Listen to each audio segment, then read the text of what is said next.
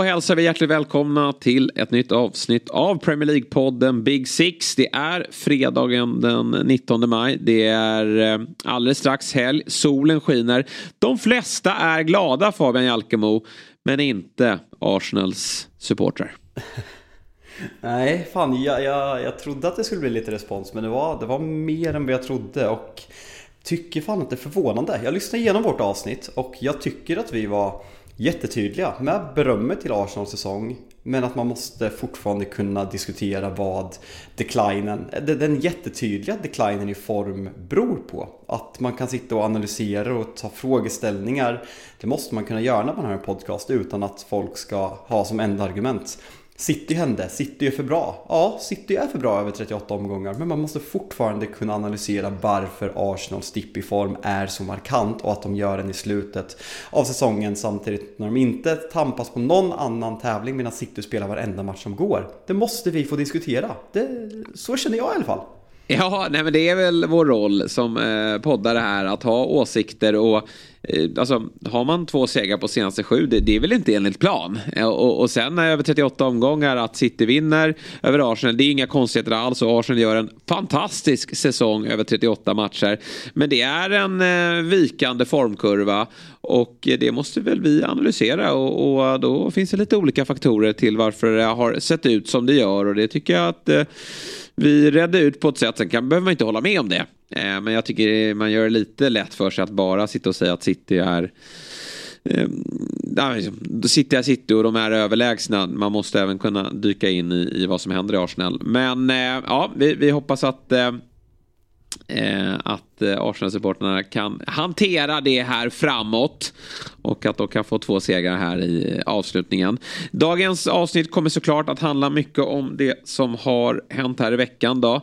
Det har eh, spelats en del eh, Europafotboll, det har spelats lite ligafotboll. Sen börjar det liksom komma lite sillenyheter också. Jag tycker att det bara blir eh, fler och fler rykten där ute och dessutom så börjar lagen nu inför avslutande omgångar. Det kommer ju att vara en helgomgång, sen kommer det vara lite midweek-fotboll med, med, matcher som eh, skulle ha spelats tidigare, som blev framskjutna och sen då sista omgången nästa helg.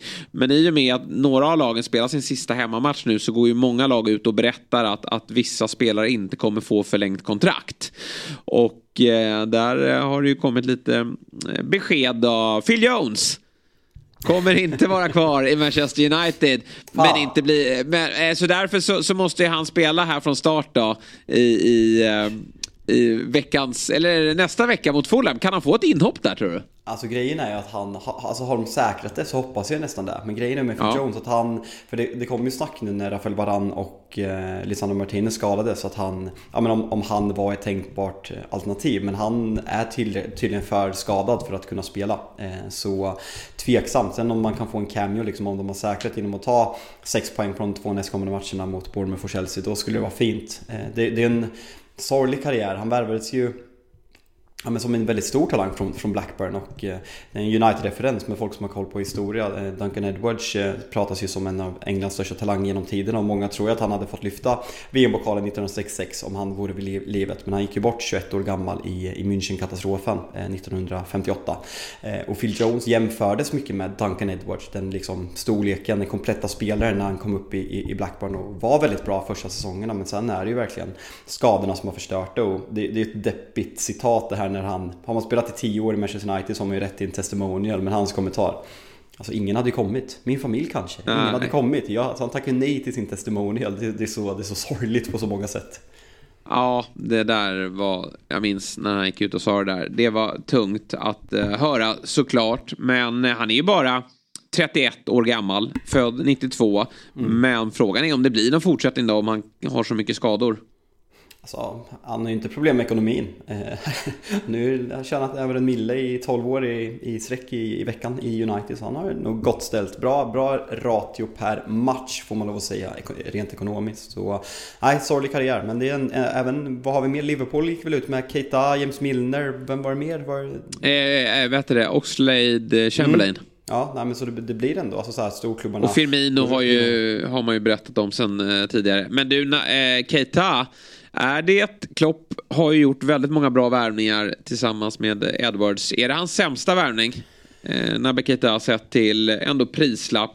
Och förväntningar. Det var väl och förväntningar. Jag kommer, jag kommer ihåg att förväntningarna var jätte, jättestora och det här är liksom Det här ser jag inte som något hån mot Liverpools supportrar men det var verkligen att när Liverpool började utmana City så pratade de om att ah, när, när de får in Keita på det där mittfältet så kommer de vara ett komplett lag. Eh, så vart det ju inte fallet. Mycket skador men det känns även som Han har ju aldrig kommit in i det. Han har kanske varit bra i fem matcher i, i följd men annars har det varit ja, men känns som dålig, en dålig karaktär blandat med skador. Så där, det där har jag aldrig lyft så det där är ju helt rätt att gå vidare. Ja, jag tror att han kostade någonstans där 60 eh, miljoner pund eh, när han eh, skrev på för Liverpool och som du sa, stora förväntningar. Även då Leip var det så Leipzig va? Ja, Leipzig. Mm. Eh, och, och vad sa jag? Sa jag något annat? Nej, nej, du sa nej, inget. Nej, jag sa inte klubben bara. nej, exakt. nej, ja. eh, nej, men Leipzig. Eh, och, och, då trodde man ju liksom att det här kommer att... Redan då var diskussionen att Liverpool behöver förnya sitt mittfält och att han skulle ta dem till nästa nivå. Men, men så har det faktiskt aldrig blivit då. Så att det är nog rätt att gå skilda vägar där. Får se vad som, eh, vad som händer med honom. Men eh, vi har även Lucas Mora då, i Spurs. Eh, han har ju haft ett riktigt en tråkig sista tid i, i Spurs. Han minns ju för många Spurs-supportrar såklart. Eh, så minns man ju honom för insatsen. Eh, Eh, Eh, på Amsterdam Arena när han på egen hand gjorde hattrick och, och tog Spurs till en Champions League-final. Men som helhet var det där ändå en fiaskovärvning måste man ju ändå säga. La ju också mycket pengar från PSG yes. och har ju aldrig liksom blivit riktigt ordinarie deppig karriär. Alltså jag kommer ja. verkligen ihåg att i slutet av Fergusons tid så när han gick till PSG så var det verkligen att han, han ryktade sitt United men han valde pengarna i PSG och det var väl typ i samband med det som Sir Alex drog sitt kända citat att det finns inget value in the market eh, för att liksom priserna börjar skena iväg så extremt mycket. Han var ju uppsnackad som, inte Neymar-nivå men the next big thing, alltså från Brasilien export. Men alltså en bra karriär men absolut väldigt stor besvikelse sett till förväntningarna som fick till på honom när, eh, när han kom till Europa. Och eh, Tottenham, som sagt, de har det där minnet och det är väl typ det finaste minnet i Tottenhams moderna historia, den där vändningen i, i Amsterdam och även man slår väl, man slår väl City där i kvartsfinalen. Eh, så det var en jävla run man hade i, när man tog sig till den där Champions League-finalen som man förlorade mot Liverpool. Men ja, nej, det, det är ju där man kommer komma ihåg honom för, för annars en, en ganska stor besvikelse i Tottenham. Ja, det får man säga. Det är väldigt många fler spelare som såklart har utgående kontrakt och kommer att eh, sluta för sina respektive klubbar. Men eh, vi behöver inte dra alla nu. Vi får väl ta det efter den eh, sista omgången då. Och så fokuserar vi på matcherna som har spelats då. Och det är väl klart att vi får börja med eh, semifinalen på Etihad. Vi hade 1-1 eh, i det första mötet på Bernabéu. Eh, City mot Real Madrid. Och i returen så var det ju inget snack om saken. Har vi att göra med ett av världens bästa lag genom tiderna i form av Manchester City eller? Eh, jag... Eh, ja, ja det, det tror jag faktiskt. Eh, sen... Jag, jag, vet inte, alltså så här, en, en, del av mig tycker att det är jävligt kul att prata om sånt här. En del av mig tycker att det blir tröttsamt. För det är så jävla svårt ja. att jäm, jämföra. För ja, det, är det, olika, är det. det är olika eror. Eh, alltså hur mycket ska man väga in titlar? Jag exempelvis, jag kommer ihåg när vi hade den här diskussionen i Fotbollsmorgon eh, för något år sedan eh, på lördagarna så, så liksom bollades exempelvis Inters trippelvinnande lag från om det är eh, när det är 2010 typ, upp som ett av världens bästa lag genom tiderna. Och det tycker inte jag. Då går man ju bara på titlarna och titlarna spelar såklart in. Jag håller ju alltid Barcelona 2011 som det bästa laget jag någonsin har sett. Det här City är ju där uppe och nosar. Ehm, sen nu säger jag emot mig själv, men vinner man trippeln då, ja, då håller jag det här laget som, som bäst genom tiderna. För jag, vi sa innan att är det något lag som kan slå det här Manchester City så är det här Real Madrid. Det är världens två bästa lag. Och den asfalteringen Jesper, alltså den asfalteringen de gör på Etihad. Det är bland det värsta jag sett mot ett sånt högkvalitativ motstånd i en sån viktig fotbollsmatch. Det är typ den största håll käften-insats jag någonsin har sett i hela mitt liv på den här nivån. Ja, jag måste också säga det och då har vi några sjuka insatser just på Etihad inför den här matchen. Men det här blir någon form av ny nivå då, med tanke på vilka spelare som står där ute i motståndarlaget. Det är världsmästare, det är Champions League-mästare och det är ett Real Madrid som alltid höjer sig i den här typen av matcher. Men de ser ju ut som ett, eh, ett korplag. De, de har ju inte en suck här och City lägger i absolut högsta växeln och jag skickade ut frågan då på Twitter och fick många svar. Det var ju bara som sagt en fråga. Det är ju svårt att konstatera saker. Det är alltid svårt att jämföra. Men det är klart att det här Barcelona då kommer på tal och, och, det är mycket möjligt att de var bättre. Det har vi som sagt ingen aning om. Pep brukar ju dock prata om dem i, i när han pratar om sin gärning i Barcelona så nämner han alltid att jag hade Messi. Eh, världens bästa fotbollsspelare. Och han hade ju väldigt många bra spelare runt Messi också. Men, men det, det är ju ödmjukt sagt men det ligger någonting i det att de hade den, den kanske bästa spelaren genom tiderna i sin, eh, ja han har ju varit i Prime ganska många år. Men han var ju väldigt bra där och, och, då var de väldigt bra på att skapa en omgivning där han fick vara eh, brutalt bra. Men jag tycker så här, när man skickar ut det här då, då är ju många eh, supportrar till andra lag där och, och, vill påpeka om de här anklagelserna mot Manchester City då, som det pågår ju en, en en eh, rättslig prövning mot City. 115 anklagelser eh, är det väl och, och, det där ska ju såklart eh, redas ut eh, och, och, vi ska få svar på, på det. Och, och det är ju eh, mycket möjligt att det stämmer och, då ska ju City straffas extremt hårt. Men jag vill bara säga vad min take på, på Manchester City är när jag sitter och kollar på dem är ju att jag, jag håller inte på något annat lag i, i Premier League och jag förstår verkligen hur, hur, förbannad man hade varit. Jag håller ju på ett lag i Sverige och hade det varit eh, andra lag som, som hade blivit anklagade för fusk som, som tvålar dit mitt lag och jag ser det fusklaget gå och vinna hela tiden så är det klart att jag hade varit irriterad. Men jag, jag eh, sitter och tittar på det här City med, med ögonen att eh, det är inte de elva bästa spelarna eh, i världen där. Jag har sett många startelver på pappret som är bättre än Manchester City. Eh, så att på så sätt så, så, är det ju inte ett, ett fusklag i att man har tagit dit de elf, elva bästa spelarna. Utan eh, jag tycker ju att det som sticker ut med det här laget det är ju Peps hantverk i hur han har plockat spelare för otroligt mycket pengar såklart. Eh, men det har ju andra lag också. Sen har ju City kanske då fuskat och det, då ska de straffas för det. Men när jag sitter och kollar på, på Manchester, Manchester City så tittar jag följer den här fotbollen för jag vill se den bästa bästa fotbollen. Jag vill se eh, liksom, underhållning. Och, och, när jag ser de här 90 minuterna och, och, när jag har sett City tidigare under, under den här säsongen så är jag någonstans, eh, man har sett ganska mycket fotboll i, i, sitt liv och jag vet faktiskt inte om jag har sett eh, något bättre eh, någonsin. Och det är så otroligt häftigt hur han eh, får fram den här prestationen. Och, och, det är ju inte bara Pep som ska hyllas såklart. Det, det är ju spelare som, som, som, lyssnar till sin tränare och har en rollacceptans där ute. Men eh, jag måste få vara eh, jag måste få vara imponerad trots då att de här anklagelserna finns där.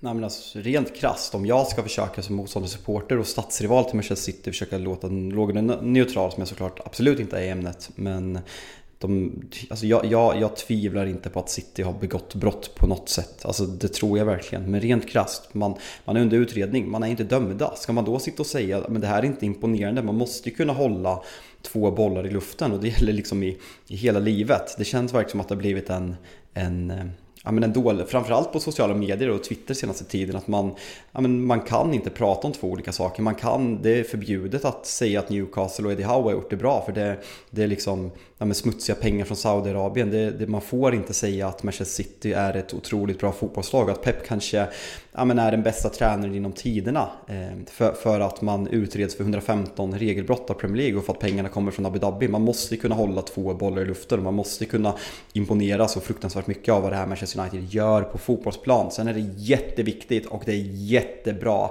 och jag är stolt över att vara svensk för att vi är så bra på den här rapporteringen i Sverige att belysa de här andra problemen. Något som man måste bättra sig på i andra delar av världen och även i Europa. Där är vi kanske bäst men man, jag tycker att det blir för platt om man bara ska ta den linken hela tiden. Man måste kunna prata fotboll och man måste kunna berömma vad Manchester City gör. Spelarna, Pep Guardiola, eh, värvningsansvarige, alltså hur, hur Pep hanterar allting. Han, han skickar kanske Premier Leagues, ja, men tillsammans med Trent, bästa ytterback de senaste fyra åren. Han, han bara försvinner, han bara blir cancellerad mitt under säsong, går till lån till Bayern München. Och, vi börjar spela fyra mittbackar och vi blir ännu ja. bättre. Alltså det är så jävla imponerande och det måste man kunna säga. Ja, nej, men verkligen. Och, och Akanji, ja, det, han fanns väl, honom kunde väl något annat lag plocka. Jag visste inte det vem det var att, för ett år sedan. Nej, verkligen inte. Man är inte en susning kostade han? 12 miljoner pund var. typ? Och, och, att Roddy har klivit fram och blivit världens bästa mittfältare, det, det, det jag hade det inte jättebra koll på honom. Ja, nej, men det är han nog. Det säger ju Pep också, att det finns ingen spelare som är på den nivån som Roddy har presterat eh, de eh, senaste månaderna. Så jag, jag, det är så lätt att, att eh, bli, bli, eh, rida med i vågen när, när man lyfter fram offensiva spelare. Men, men det är väl på sin plats att, att hylla ett, ett defensivt ankare som Rodri. Som dessutom bidrar såklart med sin offensiv. Men, men det är inte bara duellspelet utan hur han läser spelet, hur han hela tiden står rätt. Och, ja, han, han är så viktig för det här eh, Citylaget så att eh, det, det det är svårt att hitta orden för det. Och sen, ja, vem är bäst av Vinicius och Jack Grealish? Ja, men det är klart att det är Vinicius som man plockar fram och det är honom som kom, han som, när vi summerar deras karriärer, som kommer man, man kommer prata om Vinicius färdigheter före, för Grealish. Men, men eh, det jobbet som Grealish lägger ner där ute och, och så perfekt som han har blivit för det här City-laget, det, det är också fascinerande. Så att man, Även när, City blir, även när City blir dömda, eh, vilket jag tror att de kommer bli i slutändan, de kommer kanske bli av med titlar och, och, de kommer få poängstraff, jag har ingen aning vilken typ av straff det blir, så kommer jag fortfarande vara imponerad av det Pep har gjort med det här laget. Men det, det, det kommer jag låta mig bli. Och, det, och när, när folk drar jämförelse då med, med Nej, men Johan Myhlegg såg jag någon tog upp. Så, ah, bra, imponerande Johan. Men det är, ju, det, är ju, det är ju doping på att då har ju någon tagit förbjudna preparat och då presterar man bättre på grund av det. Det här är ju liksom en... Eh, ja, man, man har dribblat med, med intäkter och, och, och utgifter. Det, det, är ju det är något helt annat. Sen ska det givetvis bestraffas om man kommer fram till det. Fotboll men... är mjuka värden. Alltså, det är inte bara ja. att värva mest så är du bäst. Det är bara att kolla på Chelsea, kolla på Manchester United. Det går inte att bara värva mest och Nej. tro att du kan bli bäst. Så därför måste man ju kunna prata om det här och Östersund är ju ett praktexempel. Man måste ju kunna tycka att Daniel Kindberg är en, ja, men en brottsling men man måste ju fortfarande kunna imponeras Absolut. av vad Saman Ghoddos, vad Ken Sema och Graham Potter gjorde. Att man liksom, Exakt man så. åker och vinner på Emirates. Alltså man måste kunna berömma vad laget gjorde. Sen att man fick förutsättningarna, vilket inte ens var topp, det var väl inte topp 10 i allsvenskan ekonomiska förutsättningar ändå. Eh, det, vi måste kunna prata om att man, man gör det bra även om man, det är viktigt att belysa det, det smutsiga såklart.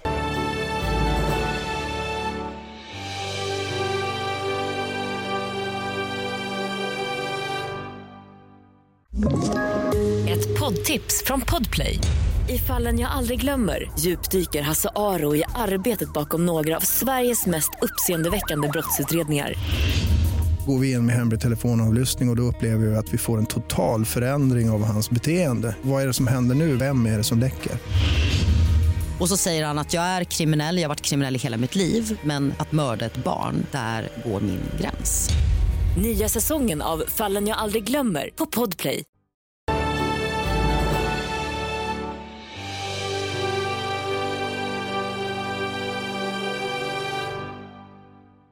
Mm. Nej, det var häftigt på alla sätt och vis och, och nu väntar ju Inter i en final här om eh, några veckor, den 10 juni rättare sagt. Och det är ju bara demoner som kan stoppa dem. De kommer ju vara enorma favoriter i den här matchen. Även om jag tycker att det är, Ja, exakt. Han kommer säkert vara sugen om han får starta. Det, det verkar inte vara så just nu i alla fall. Eh, men eh, det är ett Inter som, som eh, är i form. Det står för en imponerande insats mot Milan. Men det var Milan, det var inte Real Madrid.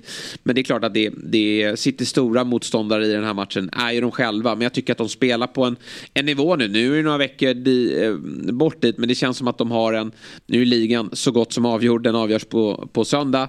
Sen har man en fa Cup-final. Men man... Jag hoppas att United United kliver in med inställningen att de ska skada spelare. Så även om de torskar FA Cup-finalen så förbättrar de chanserna för Inter att stoppa dem från trippen. Jag, ja. jag, jag säger inte ifrån den taktiken alltså. Jag, yes. jag accepterar den. Ja, jag har noterat att några har eh, klivit ut och eh, tänkt i de banorna eh, även på sociala medier. Vi får se då, men, men eh, hur som helst så är ju City eh, förmodligen så kliver de ut i, i fortsatt toppslag då eh, i Istanbul och det blir eh, intressant att se hur, hur länge eh, inte kan stå upp i den matchen. Ja, verkligen. Blir det Istanbul? Har du koll på det? Eller för det är snack nu för att ja, det är lite va valkaos och skit. Ehm. Exakt, det pratas väl om att man kanske ska flytta den här matchen. Ehm, kanske dags att göra det nu i sådana fall. Ja, verkligen. Så att vi får ett besked där då. Ehm, Ja, eh, Håland gör ingen mål, men eh, vad gör det när Bernardo Silva eh, kliver fram eh, och eh, när det finns andra eh, poängspelare i det här laget. Eh, det går rätt bra att skicka in en världsmästare i form av Alvarez också som får slå in spiken i kistan här också. Så att det, det är väl liksom styrkan i det här laget att det, det är inte bara Håland utan det finns otroligt många poängspelare som, som kliver fram i den här typen av matcher. Men den här matchen, King Carlo, älskar honom. Eh, men hur, nu, nu gör inte Håland mål, men hur kan han bänka Rydiger efter hans insats på Bernabéu? Ja. Ja, märkligt faktiskt. Jag vet inte ja. riktigt hur han, eh, hur han tänkte där. För det kändes som att Rydiger, eh, han tog sig in under skinnet på, på Håland i den matchen. Och då var det faktiskt konstigt att inte få spela honom. För, för Håland ska ju göra mål i den här matchen, men, men Courtois visar ju vilken sjuk målvakt han är och han håller ju faktiskt eh, siffrorna nere. Det hade kunnat bli ännu större resultat. Ja men Rydiger är ju verkligen en, alltså han är tokvidrig på ett bra sätt. Han är liksom, han, hans vidrighet känns som att den bidrar med liksom go i laget. Alltså om han plockar hålan så bidrar det med energi. Sen City var överlägsna men det var bara, man noterade att det var väldigt konstigt efter hans, eh, ja men enligt mig man of the match prestation på Bernabéu. Ja, grattis till alla eh, City-supportrar då. Får se om det landar vid en, eh, om det landar vid eh, en trippel till slut. Det hade ju faktiskt varit eh, otroligt starkt. Vad gör Pep då? Kliver han av eller? Nej, vad fan ska alltså. Nej. Hur gammal är han? Han är ju inte så gammal och han kommer ju aldrig hitta ett bättre ställe att ha förutsättningarna. Så det är om man vill checka ut. Men eh, han borde ju inte han borde vilja se som bäst genom tiderna. Han verkar ju ha energin fortfarande. Så nej, jag, eh, jag tror vi kan få se honom i City ett ganska bra tag till. Tyvärr. Ja, så länge, så länge ju... de inte blir nedflyttade eller får rejäla böter. Nej, exakt. Ja. Eh, bra, eh, det har spelats ligafotboll också i, eh, sen vi pratade sist och eh, vi var ju båda väldigt spända på matchen Newcastle-Brighton med tanke på vad den eh, betyder då för, för toppstid och Europastid. Båda lagen har ju möjligheter att få spela i Europa nästa år. Newcastle kommer göra det. Sen är frågan vilket av, eh, i, i vilken kupp man kommer att spela. Men allt pekar väl nu efter 4-1 då på St. James' Park att det blir Champions League-spel. För inte tappar man väl det här läget. Nej, just att man har Leicester, vi pratade om det där att jag tycker att ja. matchen mot eh, Chelsea borta i sista omgången är jävligt lurig hur mycket man än skrattar åt Chelsea. Men Leicester hemma, det kommer man lösa. Eh, jag tror att hade man tappat poäng igår, då hade det varit lite mer nerv i matchen mot Leicester. Att man liksom känner att man måste vinna den och Leicester fightas för deras liv och har en bättre kvalitet än vad man har visat i grund och botten. Eh, då, då hade den varit tuff, men nu när Newcastle går ut med självförtroendet efter den här ja, krossen mot Brighton, jag tycker man, man visar var skåpet ska stå och visar att man är ett ja, men ett bättre ett jävligt ol, de två extremt olika lag. Men jag tycker ändå att Newcastle visar att man förtjänar att sluta före Brighton i den här matchen. För jag tycker att man vinner klart rättvist trots att Brighton ja, men äger boll. Men Newcastle maximerar allting och vinner, vinner rättvist. Så jag, jag tror att Newcastle avgör det här i helgen genom att besegra Leicester tämligen enkelt. Ja, nej men det var ju den här matchen som man hade lite frågetecken kring. Och den sista då i Chelsea som, som är lite smålurig. Leicester kommer man asfaltera på måndag och, och när man vinner eh, på det här sättet så, så finns det ingen anledning till att eh, ändra eh, på, på, på den eh, tanken. Jag håller med dig. Alltså Brighton, De Serbi sa ju det på presskonferensen att vi är slitna, vi har inte bredden i truppen och för den, den typen av fotboll de spelar så tror jag att det, det behövs pigga ben men också eh, pigga skallar och, och, när de har spelat så här mycket så ja, de kommer ju spela många matcher nästa år också eftersom det eh, ser ut att bli Europaspel men då behöver det nog eh, breddas lite här. Det var ju stor rotation och Newcastle kliver ut och är sådär härligt aggressiva som, som man eh, eh, har varit till stora delar av den här säsongen. Och det bör ju vara ännu större siffror i paus. Brighton går ju faktiskt inte att känna igen. Det är lite för många nya alternativ där. Eh, Van Hecke kliver in som mittback bredvid Louis Dank och har det ganska småjobbigt. Caicedo tycker jag är ju en briljant spelare. Klivit ut och blivit högerback här. Det, det, eh, det är fascinerande hur, hur De Serbe hittar Eh, Eh, nya sätt att använda sina spelare på. Han gör det bra, men, men de, de har det väldigt jobbigt och är rejält tillbakatryckta. Ändå blir det ju lite nerv då och, och det blir en otroligt underhållande andra halvlek. Det, man bara väntade på att det skulle bli fler mål, men de dröjde ju till, till sent i den andra halvleken. Men när Undav på, på egentligen Brightons första möjlighet, vad bra han har varit förresten, han börjar verkligen komma igång här nu. Det tog ett tag för honom att eh, kliva in i, i eh, Eh, Premier League-kostymen men har fått eh, mycket speltid här under slutet och är ju en, en, en, bra avslutare. Det, det visste vi ju sett till hans siffror i, i den belgiska ligan. Men eh, här, här gör han ju 2-1 och då blir det ju nerv i den här matchen och Brighton skickar in lite tyngre alternativ, vet du, ja, tyngre spelare i form av McAllister till exempel och Enciso kommer in också. Men det är ändå känslan att Newcastle på kontring kommer att straffa Brighton. Och till slut blir det 4-1 och och eh, Callum Wilson bara fortsätter att eh, eh leverera i eh, såväl eh, mål som assistprotokollet. Men det, det, ska bli intressant. Callum Wilson har gjort det otroligt bra nu och det ska bli intressant att se på de här offensiva positionerna hur man gör. Alexander Isak är ju värvat för framtiden med tanke på prislappen och hans höjd som finns. Callum Wilson gör det otroligt bra, men är han tillräckligt bra för att liksom starta i Champions League? Vill man bredda där? Det, det, ska bli jävligt kul att se hur man, hur man agerar på de här offensiva platserna. För samma sak med ytterpositionerna så det är inga stjärnor, det är inga givna spelare på någon av de positionerna. Det är mer, ja men Bruno Gimares är ju typ den enda offensiv spelaren som känns så här, tillsammans med Alexander Isak, att de är där för framtiden. Resten känns utbytbara, att man kan, att man kan steppa upp sitt game där om man, om man träffar rätt spelare. Så uh, intressant, vi har sagt det tidigare, men jävligt intressant sommar hur man agerar i Newcastle. Ja, Isak, eh, alltså han ska ju spela men han blir ju inte lika involverad och han, han äh, har inte lika mycket självförtroende tycker jag när han utgår från, från vänster. Och han, han Alltså han, det känns som att han har tappat lite självförtroende. Han vill hela tiden ta alternativet när han kommer. För han får ju mycket boll. Och han kommer eh, oftast med fart mot straffområdet. Men det är alltid det alternativet att han ska vika, eh, vika in och försöka curla den i bortre. Och det eh, lyckas han inte riktigt med. Det är synd, Isak är ju som bäst när han inte tänker och bara kan gå åt båda riktningar. Han kan gå både höger och vänster. Men det är ju som nummer nio han är bäst. Men där är ju Wilson helt fenomenal just nu så han går ju inte att peta. Så det är ju nog den här elvan som Howe ska fortsätta med. Sen lär det hända saker i sommar som du är inne på. En spelare som vore kittlande med tanke då på eh, ytterproblemen kanske då att man behöver förstärka där. Det är ju eh, Sadio Mané som eh, ser ut att lämna Bayern München efter bara ett år i klubben. Det har ju varit ganska stökigt med både skador och, och gräl med eh, ja, lite olika spelare.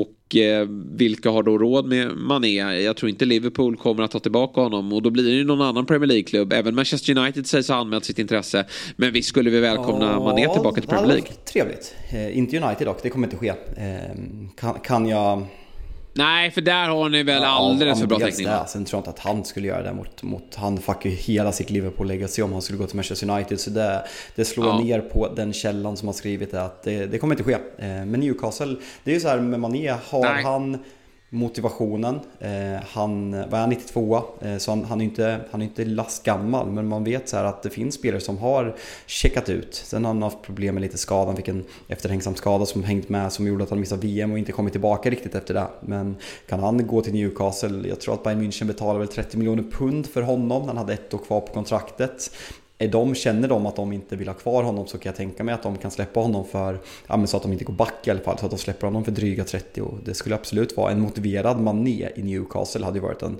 dundervärvning. Att du får in en spelare som har ja, vunnit allt som går att göra på de engelska, på de brittiska öarna. Eh, det, det, är liksom en sån, en sån spelare som skulle kunna vara jätteviktig för det här laget att få det framåt. För att säga vad man vill om Kevin Trippier har kommit in med den rutinen på ett annat sätt utan att ha vunnit så mycket. Men Bruno Gimares, Alexander Isak, det är mer ja, men Sven Bottman, mer yngre spelare. Här får du in en spelare som, som, som jag sa, som har vunnit allting. Så uh, en motiverad manér, kör! Ja, borde passa in i Eddie House aggressiva eh, fotboll också. Han eh, är ju så mycket mer än bara en, en poängspelare. Han är otroligt bra i, i eh, pressspelet och, och, det saknar ju Liverpool faktiskt än idag. Då. Men eh, man är till Premier League, det eh, säger jag verkligen ja till. Sen, sen köper jag helt att United borde vara eh, orimligt. Men, men det kanske finns andra klubbar då än eh,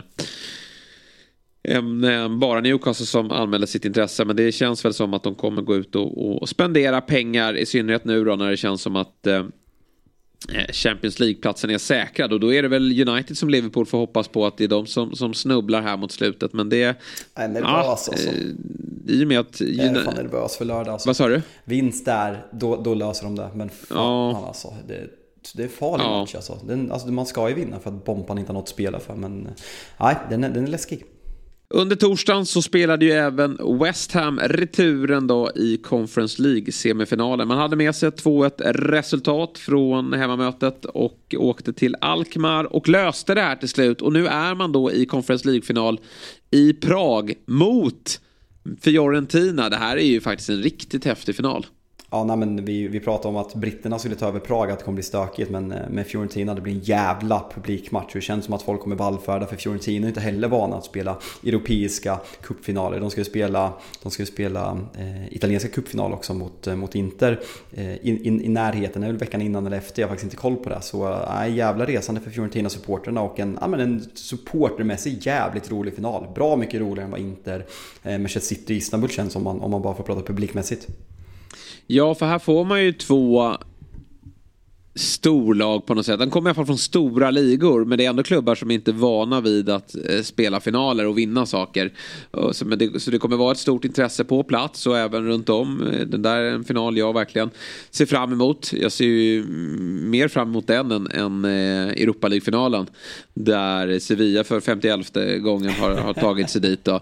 Så att det här är en match jag ser fram emot och ja, vi får väl eh, som Premier League-podd ändå hålla en tumme för just West Ham. Och det, David Moyes, supportrarna, laget är ganska charmigt på något sätt. Nej, men de, de är värda eh, att få, få lyfta en buckla här känner jag. Ja, nej, men det, det vore en fin fint avslut för Declan Rice också. Att få avsluta, för allt tyder på att han kommer lämna, att han avslutar sin West Ham-karriär som har varit ja, men en jävla framgångssaga med att lyfta ja, men ja, första. Jag, jag, jag, jag, kan verkligen inte på rak arm eh, och jag skäms inte för det, för jag har inte i huvudet när West Ham senast vann en titel. Men det, det är jävligt länge sedan och det är inte under min livstid, om jag inte helt fel ute. Jag tror inte att de har vunnit FA-cupen sen dess. Eh, så, Nej, de har väl vunnit några ligacuper där va, tidigare tror jag. Och eh, sen har man den här cupvinnarcupen typ på 60-70-talet som vi pratade om senast. Men annars är det inte jättemycket. Men eh, finalen då, den 7 juni. Det är väl onsdagen där då. Eh, så, så möts de i Prag. Den ser vi verkligen fram emot. Och för West, West Ham som har säkrat sitt kontrakt här då. Då eh, skiter ju de fullständigt här i, i de två sista matcherna mot Leeds och eh, Leicester. Utan det är bara att eh, taggat tagga till finalen och, och se till att man är utvilade där. Men det kommer vara en, en cool avslutning för Declan Rice som, som av allt att döma då, eller av allt att döma ska jag inte säga, men de hetaste ryktena just nu då är ju att det blir Arsenal som tar in honom. Där också, en spelare som kommer att lämna, det är ju Granit Xhaka. Ja, just ja, det, det såg jag och det känns väl lite jag vet inte, lite oväntat kanske. Jag tycker ja. vi har berömt honom väldigt, väldigt mycket och han har varit ifrågasatt av allt och alla egentligen hela sin Arsenal-karriär. Men nu har han fått ja, men väldigt mycket kärlek den här säsongen och varit ja, men en, en ledare på rätt sätt som inte låter känslorna ta, ta överstyr. Men eh, det hade varit en perfekt truppspelare som liksom lär folk vad det är för standard som krävs att spela i Arsenal även om man kanske inte hade varit ordinarie. Om det blir Declan Rice, om det blir Moises Caicedo eller om det blir någon annan, det vet jag inte. Men jag tror inte att eh, Granit Xhaka var tänkt som en startspelare. Men eh, lite förvånande. Sen vet jag inte om det är Xhakas eh, beslut att han vill eh, avsluta någon annanstans och vara ordinarie och kännas viktig. Eller om det är Arsenal som känner att det är dags att gå vidare. Det, det, det vet jag faktiskt inte. Ja, det är lite konstigt tycker jag. Eh, jag tror väl att alltså, han är ju... Dels är han ju bara 31 år gammal liksom. Så det... det um, han fyller det i höst. Så det, det är ju ingen ålder egentligen. Och dessutom kommer han från kanske sin, sin bästa säsong. Eh, totalt har han gjort, eh, vad blir det, 223 matcher eh, sedan 2016. Så han är ju, sen har det varit en, en stökig eh, karriär på så sätt att han har burit kaptensbindeln, blivit av med den och alla de här röda korten som fått supportrarna att bli galna. Och sen har det ju varit säsonger där han varit ganska blek men ändå levererat i ett landslag. Så man har ju haft lite frågetecken kring honom. Men i år har han ju faktiskt varit eh, riktigt, riktigt bra. Eh, på det där mittfältet och även om Declan Rice hade klivit in och tagit hans plats så känner man att det hade under nästa säsong absolut funnits eh, tid för, för speltid så att eh, nej, lite märkligt men det kan vara att Xhaka själv då känner att nej, det är nog dags att, att eh, testa något nytt här nu och, och jag tror att det är många klubbar med den här säsongen färskt i minne känner att det där kan vara värt att satsa på. Så jag, jag säger väl, han har ju varit i Bundesliga, men jag säger att det blir Serie A på honom här framöver. Ja, skulle det kunna bli. Eh, ja, som sagt, han känns äldre när du säger att han är 31. Så jag vet ju att han typ är 92. Men han mm. känns så jävla mycket äldre. Det känns som att han har varit med väldigt länge och känns... Eh, nej, eh, så nej, oväntat och tror inte bra för Arsenal. Om bara min spontana reaktion på det. Nej. Jag trodde aldrig att jag skulle säga.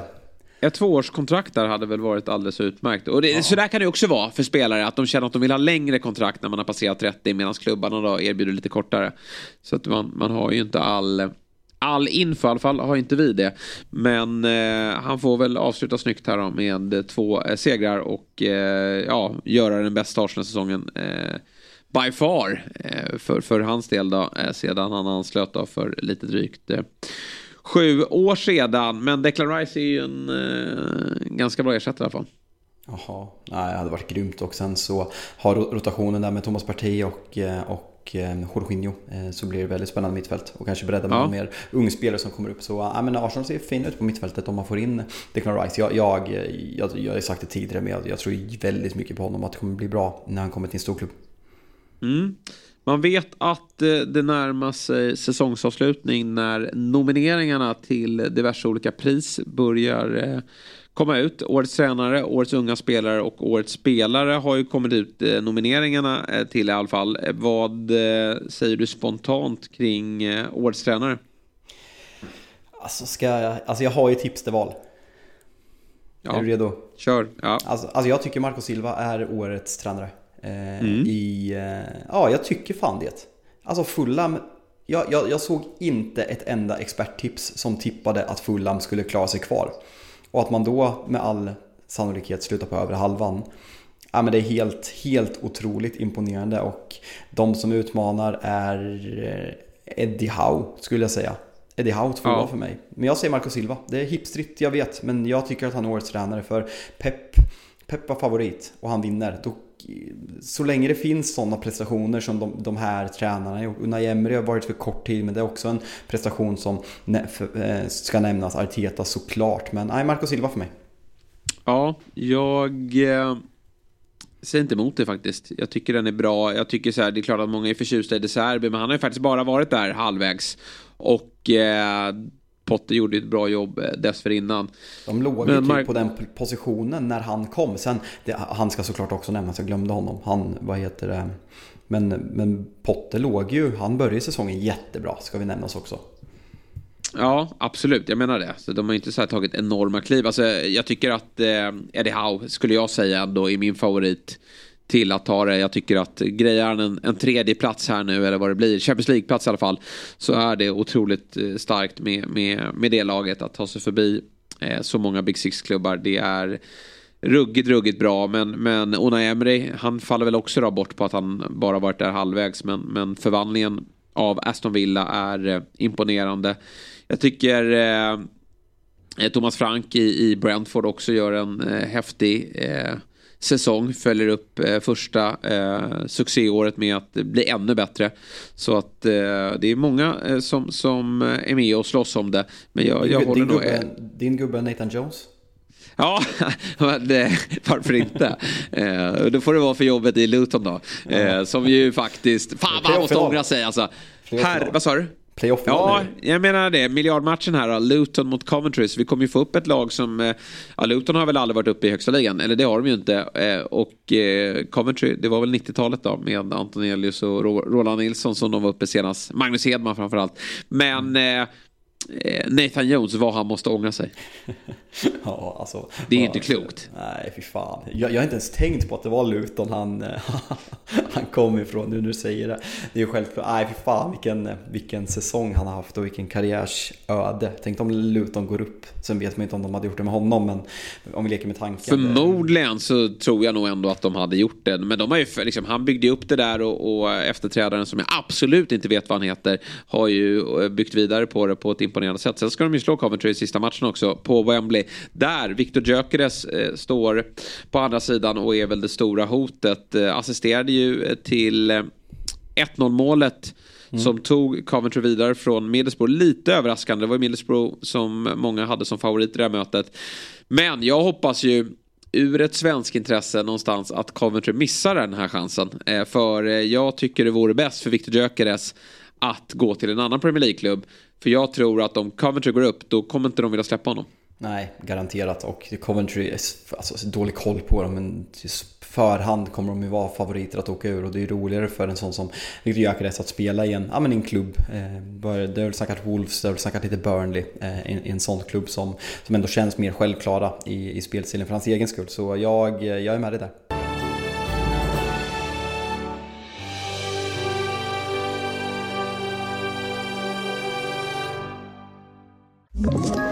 Ett poddtips från Podplay. I fallen jag aldrig glömmer djupdyker Hasse Aro i arbetet bakom några av Sveriges mest uppseendeväckande brottsutredningar. Går vi in med hemlig telefonavlyssning och, och då upplever vi att vi får en total förändring av hans beteende. Vad är det som händer nu? Vem är det som läcker? Och så säger han att jag är kriminell, jag har varit kriminell i hela mitt liv men att mörda ett barn, där går min gräns. Nya säsongen av Fallen jag aldrig glömmer på Podplay.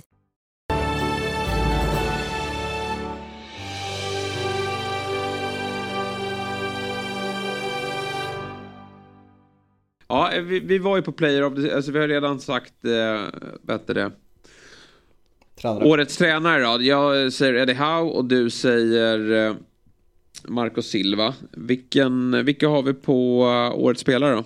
Nej, men de som är nominerade är alltså De Bruyne, Haaland, Kane, Ödegård, Rashford, Saka och Kieran Trippier. Och ja, alltså Sala, Trippier, alltså det hade inte varit fel att ha med Sala. Men jag tycker inte att det är hål i huvudet. För jag tycker ändå att summerar man hela säsongen så tycker jag ändå att Saka har gjort en bättre eh, säsong. Jag tycker att Ödegård har gjort det, jag tycker Marcus Rashford har gjort det. Sen kan man se sig blind på siffrorna men Salah var inte bra i början av året. Han har fått mycket slumpmål. Sen är det så jävla imponerande såklart att han gör de här poängen när han har en på pappret eller inom situationstecken dålig säsong. Men att han inte är en av de här sju bästa, det tycker jag inte är katastrofalt. Nej, jag tycker faktiskt inte heller det. Speciellt hur säsongen sett ut också. Han, han kliver ju fram nu, eh, Salah. Han har ju en bra skörd här mot slutet. När, eh, ja, men, alltså, någonstans är det ju också som så att Salah är ju en mer av en, en alltså han är ju Liverpools verkliga eh, avslutare. Det är han som ska vinna skytteligan. Arsenal har ju snarare fördelat ut målen och, och att eh, det är eh, spelare som, som ja, men har lite andra olika typ, andra uppgifter. Sen är ju så alla bra i pressspel också. Men jag tycker framförallt att man måste kolla lite på hur, eh, när han har varit som bäst. Och det är ju nu mot slutet. Sen kanske det tar dem till en Champions League-plats. Och sen vill jag i den diskussionen lägga till också att jag har höga förväntningar på Salah. sen kanske inte juryn ska tänka till det när de tar ut spelare eh, till, till eh, nomineringar sådär. Men när jag är besviken på Mohamed Salah är det ju för att jag har honom i en kategori där jag anser att han är en av världens bästa fotbollsspelare. För det pratade jag om i den här podden förra hösten när vi nämnde Salah. Att nu är han bäst i världen nu? Ja, så fick man ganska mycket medhåll på det. Och när Liverpool-supportrarna då ska, eh, andra ska kliva ut och säga ja, vad tycker ni nu om Salah? Han gör 19 plus 10 och sådär. Ja, men då kanske ni har, då kanske inte ni tycker att Salah ska vara där uppe bland de bästa. Jag har, den Salah jag har lärt känna genom åren i Premier League har ju alltid levererat absolut toppklass och är en världsklasspelare. Men i år så tycker jag inte det. Sen är ju Salah lite sådär att Kollar man på honom som fotbollsspelare så är han andra individuella spetsspelare, ja, men så här, Mbappé till exempel, Eh, om vi ska ta ett, ett, extremt exempel. Men han är ju väldigt så här, jag kan göra mycket på egen hand även om laget inte funkar. Mm. Salah är ganska beroende av att det är ett maskineri som funkar, att pressen sitter där. Då, då är, fyller han en extremt viktig eh, funktion i ett lag. Men när laget är lite sämre, då är det inte som så att Salah på egen hand löser knutar, utan då har ju även han det lite kämpigare. Men ja, jag skulle snarare säga att min kritik mot Salah grundar sig i en komplimang mot honom för att jag tycker att han är så förbannat bra när han är Mohamed Salah. Men det, ja. jag har inte riktigt gått att känna igen honom. Eh, men nu är han jättebra och, och, det tycker jag är positivt för, eh, för några månader sedan då hade jag sagt sälj honom i sommar. Det tycker jag inte nu. Nej men alltså liksom så här, ta chansen och casha in från PSG. Nu tycker jag snarare att han har visat att ja, fan, nu börjar han hitta rätt igen här. Och eh, tillsammans med flera andra i Liverpool så blir han nog eh, riktigt eh, han är riktigt redo från augusti. Vet du vad jag tänker på nu när jag ser den här listan? Rodri inte nominerad. Alltså jag, Nej, det är ju sjukt. Ja men det, det är sinnessjukt. Årets unga då. Håland kommer vinna den också. Men de andra är alltså Sven Bottman, Moises Caicedo, Alexander Isak, Alexis McAllister, Martinelli, Ödegård och Saka. Det är så svårt. Hur gammal är Martinelli? Jag vet faktiskt inte. Nej men den vinner ju Håland då eftersom kategorin eh, är utformad som den är. Men eh, ja, Ödegard måste ju lyftas fram. Det är sjukt. E, e, e, vänta nu. Är, var Ödegard... Martinelli, Martinelli 01 Men du var Martinelli... Nej, var Ödegard eh, nominerad? Ja, på båda. Nej, men han är född 98. Jo, men det han är 25. Till, till, jo, men det är till, till 25. Man, Trent har varit nominerad, Nej, var Trent har varit nominerad till unga spelare typ fem säsonger i rad. Det är ett skämt. Ja, ja men då alltså, behöver vi inte ens prata borde, om det där ja, men det, där, det där borde vara alltså, typ under 20, eller så här, 21, året du fyller 21 max. Du är inte ung när du är 20, 25. Nej. Nej, sanslöst. jätte... Vi, vi, vi, vi bojkottar den där pisskategorin. Ja, det gör vi verkligen. Men eh, ja, Håland vinner väl där. Men Roddy borde ju vara runner-up. Annars tycker jag faktiskt att eh, eh jag, eh, jag säger, det är sjukt att två norrmän blir etta och tvåa. Men jag säger eh, Ödegård. Ja, ja jag, jag vet fan. Rodri. Ja, nej, men det är Rodri absolut, skulle man definitivt. Men nu var han inte alls nominerad. Ja, vi, vi, vi släpper eh, priserna. Och eh, vi får väl, du och jag får ju såklart sätta ihop två års lag eh, när vi eh, är helt klara med säsongen. En spelare som inte tar sig dit, men inte allt för långt ifrån, det är Ivan Tony. Men nästa år blir det svårt att slå sig in för eh, han ska inte få spela fotboll nu fram till januari. Nej, nej. Nej, det var väl väntat på något sätt att ja. det skulle bli så och eh, det var väl eh, jag vet inte om de la i beaktning att det blir liksom en halv säsong. Åtta månader låter ju mycket men det är ju bra timing från dem att det, att det är under off-season. Eh, och de vill väl stationera ut ett exempel att det här inte är okej. Okay. Sen kan det kännas liksom att, ja, nej, jag ska fan inte gå dit. Jag kan inte sitta och analysera olika straffskalor på olika brott som, som man begår inom, inom Premier League och koppla det till, till andra liknande saker som har skett i andra ligor. Eh, jag, jag har inte koll på de rättsliga eh, processerna och hur, hur man ser på det här i olika länder. Men eh, han har lärt sig en läxa och det här borde ju ge ett jävla wake-up call till, eh, till alla som spelar i liksom The Football League. Eh, att det här inte är okej okay, så, att man, så att man inte gör det. Sen, ja, det är väl det jag har att säga egentligen. Ja, det är jättesvårt att hålla på och spekulera kring eh, straff och sånt. Men eh, Ja, det är väl bra att man markerar någonstans då. Det kan ju vara Gyökeres lycka då, för det sägs att Brentford då är intresserade av att ta in honom. Och... Jag såg att de ville förlänga med Tony också. Alltså typ att de ser sin chans att behålla honom. Ja, jag fattar det. Jag fattar det. För att an ja. andra klubbar hade kunnat gått på honom i sommar, men att de ser sin chans att kanske, ja men om vi bara leker med tanken, kanske skriva, skriva en förlängning med en utköpsklausul. Eh, så att man ändå visar stöd, ger honom en högre lön, men att han fortfarande har chansen att lämna till någon annan klubb. Det, det, det, det ser jag ske. Ja, absolut. Eh, Tony är ju eh, viktig för dem. Men eh, en annan som blir avstängd det är Jürgen Klopp. Ja. Han fick smaka här efter visst, att... Kände, visst kände man, du skickade det där till mig. Jag bara, vad fan har han nu gjort? Det känns som ja. jättelänge sedan. Ja, det var ju det där när han drog baksidan då efter Spurs-segern. Sena målet från Jota, men han gick ut och sa att han ifrågasatte ju vad, vad Tierney, Paul Tierney, då, huvuddomaren, har emot just Liverpool. Det var väl eh, kanske inte så snyggt, men, men att man ska stängas av i två matcher och, och få böter på en mille. Ja, Han var upprepande, han rök ju efter City-matchen va? Eh... Han gjorde ju någonting då. Ah, okay. Just när, han sne, när han snear på AD, den, när han liksom springer fram och liksom tar en 30 meters löpning till assisterande och skriker i hans face. Då fick han ju en match har jag för mig. Ah. Så jag kan tänka mig att han får två för att det är upprepande, eh, upprepade händelser under säsong. Om jag bara får... Visst... Om, jag, om jag får tänka logiskt för en gångs skull. Ja, det, är fan inte vi... ofta, det är inte ofta jag gör det, men nu, nu försöker jag. Ja, och vi sa här när vi pratade Tony att vi kanske inte, det är svårt att, att kommentera straff. Det, det, är, det är svårt i det här fallet också då. Men det är också märkligt, han, han ska inte, Klopp, han får inte... Jag, jag, är alltid för att Klopp straffas. Ja. Där, där kan jag diskutera, alltid för. Jag stöttar alltid och vill gärna ha en match till. Du, eh, det är märklig fördelning på det här straffet också. Han, han får inte tränar dem, eller har fått leda laget då, på Anfield mot Aston Villa. Men sen ska han tydligen få vara med mot Southampton. Och så skjuter de på den andra matchen. Den, den är med What nästa säsong. Ja, också helt ja, det, här, det, här, det här är emot. Ja. Låt mig vara tydlig. han, borde vara, han borde få gå på semester. Ja, verkligen. Alltså han ska inte ens få vara på Melwood. Åk Nej, till, vart, vart brukar han åka? Det känns, ja, men, han brukar dricka bärs på en jävla båt, brukar komma upp. Just det, just det. Ja, det är bara åka Ja, det hade han nog tagit. De löser ju där ändå. De löser ju Ja, där verkligen. ändå, Liverpool. Eh, Sista, näst sista omgången då till helgen och sen då lite hängmatcher i, i, eh, i veckan. Och eh, det är väl framförallt då bottenstriden som är mest eh, intressant just nu. Det ser hopplöst ut för Leicester, men Leeds skulle ju faktiskt kunna lösa det här. Det står mellan Leeds och Everton tror jag om den här sista eh, platsen. För jag tror att eh, Forrest har tillräckligt med eh, poäng eh, för att fixa det där. Ja, det, det tror jag också. Eh, och det är väl Leeds möter alltså... Leeds möter West Ham. Just ja.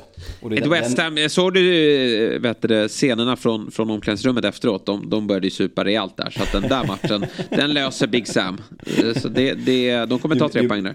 Minst en poäng. Eh, Sen är det upp till Ja. Everton. Everton möter ju Wolves borta, men de har ju den passande uppgiften. De har Bournemouth hemma i sista. Så det, vore, det skulle ju kittla om, liksom, om Leeds tar den här, går om och sen så, så lever det verkligen in, in i sista omgången. Så det är ju bara att hoppas det. Annars i helgen så, så är det väl City lyfter väl bucklan om de vinner va? Eftersom det är sista hemmamatchen. De avslutar ju Brentford-Brighton borta så det kan bli bucklelyftning på, på söndag redan. Just det. Ja. är såklart, men eh, så kan det bli. Ja, så eh, kommer det nog att bli. Och det blir väl en stark elva just där och sen blir det full rotation då mot, eh, mot Brighton och så får man se vad som händer mot, eh, mot eh, Brentford. Men, eh, och sen får ju som sagt, ja, United blir spännande att följa då, om de kan hålla Liverpool bakom sig. Men annars så känns det ju som att eh, man får börja blicka framåt mot eh, eh, Europafinalerna och FA-cupen såklart. Eh, där eh, United såklart vill sätta käppar i hjulet och ta sin andra titel för året. Ja, men känslan är just nu, alltså United har ju framförallt på hemmaplan varit bra mot City, men det, ja, City är så här bra, jag kan verkligen inte se det ske. Men i en Nej. final, pe- de har ju överanalyserat saker tidigare så jag, hade det varit en ligamatch på en neutral match, eh, mark, så hade jag gett eh, City större chans att vinna. Nu har jag ändå ett litet hopp, även om det är som sagt jävligt lite för City är så jävla bra och att Lisandro är borta. Men viktigt att ha Varann tillbaka och sen är det upp till liksom att ja, men Rashford ligga på rulle. Det är, det är liksom chansen United har att kunna kontra inom boll på dem och där har ju Bruno chansen att slå bra bollar. Men eh, nej, det är fan, det är, det är två veckor dit. Eh, Så det, det är ett tag tillbaka. Det är Ja. tillbaka, nu, nu börjar jag bli yr. Nu, nu, nu, vill jag, nu vill jag gå på helg. Ja, det, det ska du få göra. Det är varmt ute och eh, vi eh, konstaterar att eh, det blir ett nytt avsnitt. Eller det konstaterar vi. Vi tror väl att vi är tillbaka på måndag i alla fall. Eh, med ett nytt avsnitt eh, av Big Six. Och då ska vi summera helgen och snacka upp veckans matcher. Tack eh, Fabian för att du var med. Tack till alla er som har lyssnat så hörs vi i början på nästa vecka igen.